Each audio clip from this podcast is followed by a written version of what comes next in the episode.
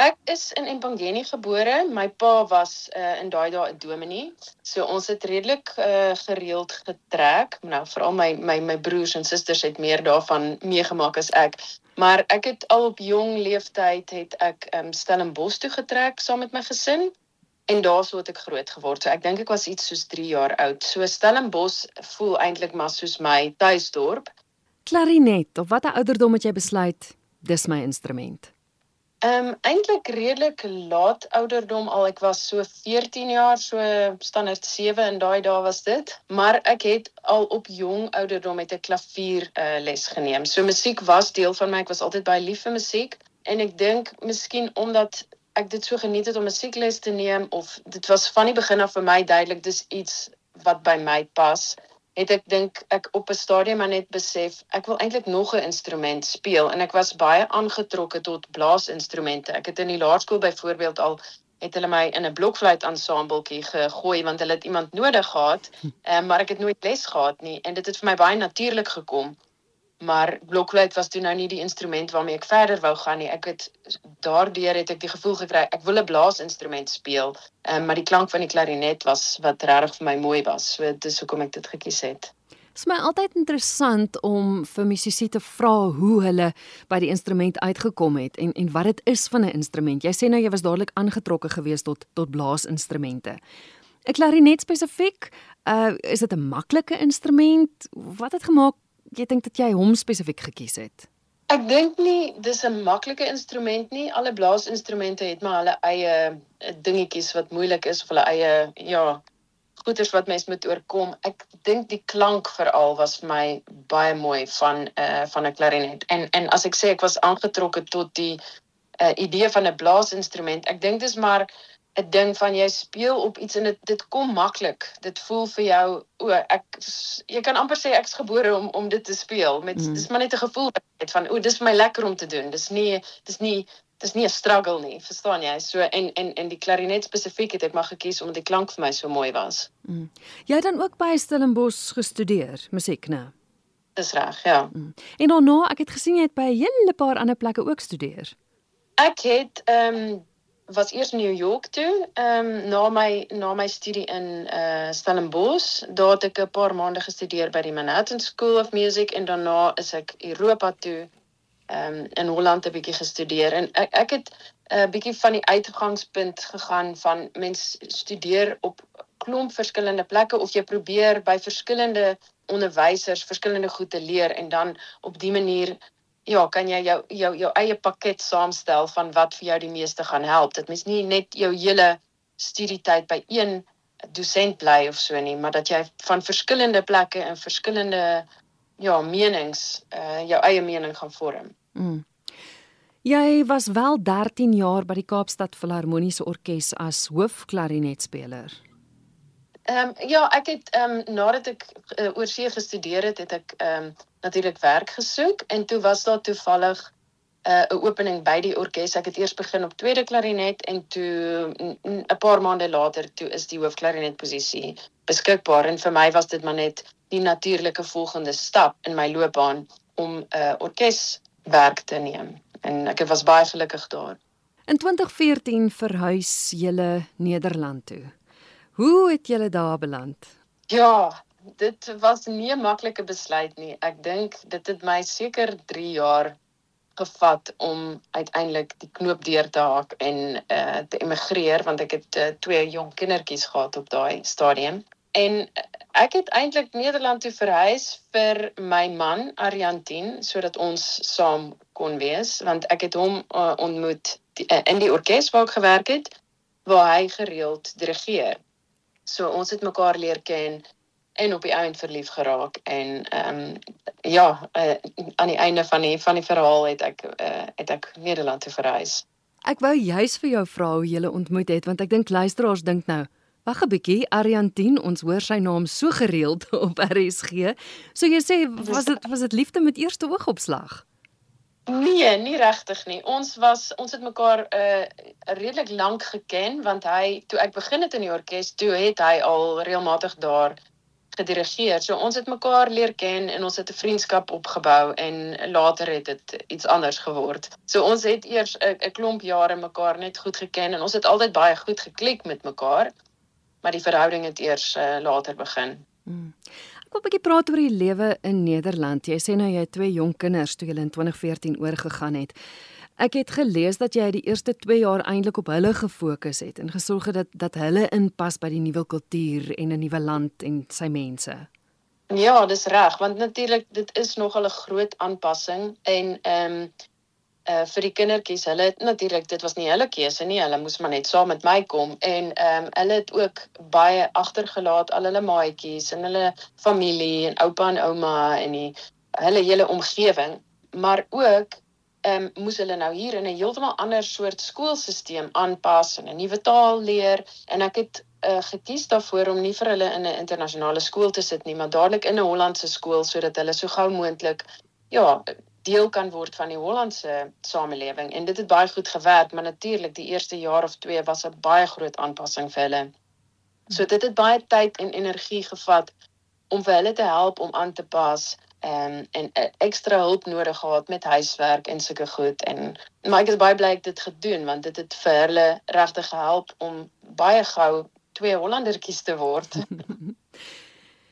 Mense sou dink na die 2 jaar wat jy nou die kinders versorg het en seker gemaak het hulle pas aan, gaan jy in 'n loopbaan instap want jy's getroud met Aryan. Ek meen hy's een van die bekende Nederlandse dirigente, maar jy het juis besluit om dit anders te doen. Jy wou nie hom gebruik om in die musiekbedryf in te kom nie. Verstaan ek reg?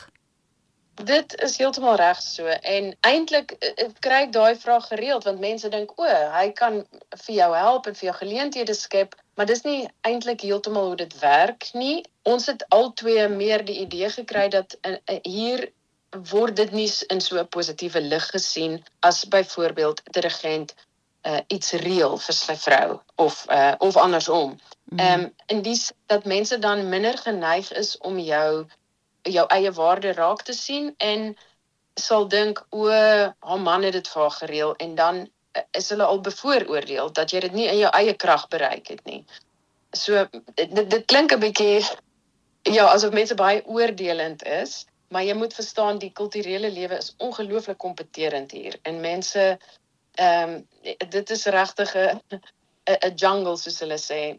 Uh, en en op die lang duur het ons gesien of die gevoel gekry dit gaan nie iemand se career help as ehm um, daardie persoon se man of vrou dit beïnvloed nie. Mm. Want dan ja, dan mense sien nie dat jy dit op jou eie krag uh, bereik het nie. Mm. Want jy sê nou dis baie kompeterend. Ek het ook gelees daar's verskriklik baie musiekakademies maar iets soos 4% van die studente wat afstudeer gaan fisies in die bedryf in. So daar's baie musikante. Daar is baie en uh so so daar's 'n hele klomp konservatoriums en universiteite waar mense musiek kan studeer en dis heeltemal reg dis 'n ongelooflike lae persentasie van musikante wat dan op die ouend as uitvoerende musikante kan werk met ander woorde in 'n orkes of as 'n solis of in kamermusiekverband baie musikante gaan dan of hulle gaan les gee of hulle gaan heeltemal iets anders doen. Dis nogal 'n hoë persentasie van mense wat dan op die einde tog iets anders gaan doen en en ja, nog nog iets anders gaan studeer en dan 'n heeltemal ander rigting ingaan. Soveel as wat daar gebeur hier in terme van musiek en konserte en so. Ja, daar is net so baie musikante wat ja, ek wil byna sê veg vir daardie moontlikhede en geleenthede. Dit dit is dit is regtig kompeterend. Maar dan moet jy seker soveel harder nog werk want nie net eh, het jy besluit om dit op jou eie stoom te doen nie, maar jy het ook as 'n Suid-Afrikaner ingekom. So reken jy jy moes nog harder werk as die ander? ja, want ek het nie die agtergrond gehad wat baie musikante het dat hulle hier studeer en hulle dosent kan 'n bietjie vir hulle help om in die sektor in te kom nie. Byvoorbeeld uh party studente se uh, dosent werk in 'n orkes en as daai orkes dan op 'n stadium ekstra spelers nodig het, dan kan hulle met behulp van daai dosent 'n geleentheid kry. Dis maar 'n voorbeeld. Ehm um, en daardie tipe scenario was natuurlik nie op my van toepassing nie. So ek het baie keer wel 'n bietjie gevoel as buitestander wat my weg moes inveg Maar ja, dit het gelukkig soort van gewerk, dink ek. Hoe het jy dit toe reg gekry? Ehm um, ek het gemerk die belangrikste ding is om fisies mense te ontmoet en persoonlike koneksies met mense te maak. So ek ehm um, en ek's nog steeds besig daarmee. Ek gaan na baie konserte toe, ek probeer mense ontmoet en ehm um, met hulle te praat en en verder ja, ek ek maak ongelooflik baie kontakte met mense om te kyk ehm um, waar ek sou kon optree. Maar ek het ook uh sosiale media gebruik om my te help en en alles wat ek gedoen het uh gedeel met mense want mense sien dan o, oh, sy's besig, sy doen dit, sy doen dat. Vir my het dit baie gehelp om veral op 'n op 'n latere ouderdom in die mark in te kom hierso. Is dit nie ook hoe jy vir Vera gekry het nie oor sosiale media? 100%, ja. Ek het iemand uh, gesoek om saam met my uh, op te tree. Ek is uh, erns gevra om ehm um, te speel by 'n by 'n ehm um, kamermusiek uh, fees van 'n hele naweek lank. En toe moes ek dringend iemand kry want eintlik was ek op daai stadium gevra omdat iemand anders gekanselleer het so 'n lang storie maar ek ehm um, het toe vir haar via Facebook gevind. Um, bietjie geluister hoe sy speel en ek het baie daarvan gehou en ek het vir haar gesê luister as jy lus om saam met my hierdie konsert te kom doen? En sy het gesê ja kom ons doen dit En toe het ons baie lekker geklik met mekaar en besluit kom ons speel meer gereeld saam en nou is ons 'n vaste duo. Mm. Dis Vera, hoe spreek mens daarvan uit Koper of Cooper? Koper. Want sy is oorspronklik van Nederland, né? Ja, Nederlands, ja. Mm, mm. Ons het net al gepraat oor die musieklewe daar en en dat daar so baie musisië is. Tog is daar ontsettend baie konserte. Ek meen as mense dit nou vergelyk met die Suid-Afrikaanse musiekwêreld, blykbaar en soos ek verstaan, is daar omtrent daagliks konserte wat bygewoon kan word in Nederland. So groot verskil van Suid-Afrika, né? E enorm, absoluut enorm. Ek bedoel as jy net kyk na byvoorbeeld die konsertgebou in uh in Amsterdam, die bekende uh, uh, plek, daar word 700 plus konserte per jaar gegee. So daar's elke dag van die jaar is daar minstens 2 konserte, party daar 3. Maar daar is ook so ongelooflik baie ander uh, plekke waar konserte aangebied word, dis dat jy kan elke dag van die jaar kan jy uit tientalle konserte kies waarna jy toe wil gaan. So die hele kulturele lewe is baie groter want natuurlik moet daar ook mense wees wat hierdie konserte bywoon. Ek bedoel niemand speel vir 'n leë saal nie. So hmm. al hierdie konserte gegee word, word ook bygewoon deur mense. En ek het die gevoel dat daar wel 'n baie groot waardering is uh onder die algemene publiek vir uh vir klassieke musiek en en ander uh kunsforme ook. Ek het ook gelees dat jy 'n uh, en ek weet ek gaan dit verkeerd uitspreek.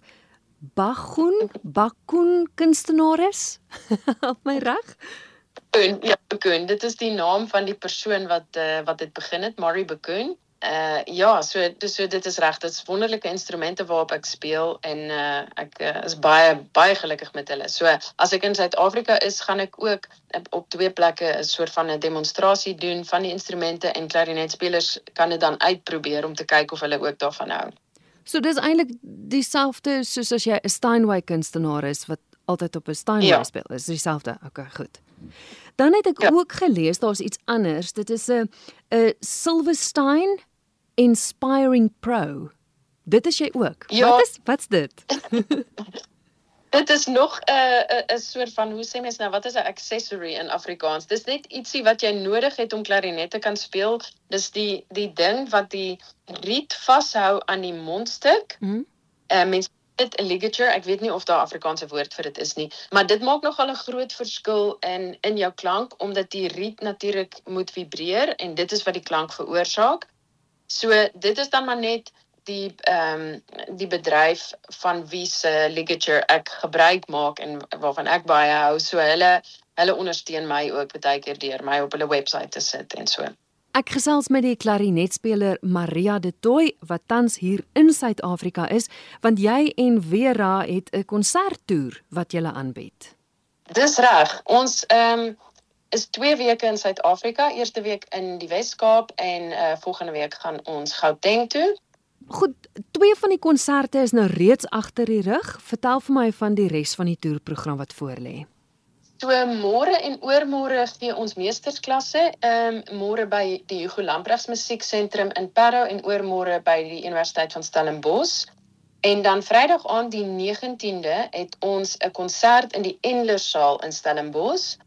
Ehm um, die volgende dag vlieg ons uh, Pretoria toe en dan uh, op Sondag, dis die 21ste het ons 'n konsert in die middag om 3 uur uh, in die Atterbury Theater. Dan het ons ook nog volgende week meesterklasse by uh, Pretoria Universiteit. Volgende week Vrydag aand 'n konsert by Witwatersrand uh, Universiteit Johannesburg en op die 27ste volgende Saterdag doen ons iets baie spesiaal. Dan gaan ons 'n soort wat hulle noem 'n outreach ehm um, werkswinkel gee in Soweto met 'n musiekprogram wat daarso uh, reëlmatig vir die kinders lesse gee. En ons laaste konsert is op die 28ste. Dit is in die middag op Sondag. Dit is ook in Johannesburg by Northwoods House. Ek verneem dat in Junie maand gaan jy ook saam met twee van ons land se orkeste optree. Dis heeltemal reg. Ja, ek gaan dan ehm um, die uh, eerste uitvoering gee van Rolof Temming se klarinetkonsert. Eers saam met die Johannesburg uh, Philharmonies en daarna saam met die ehm uh, KZN, die ehm um, Natalsorkes.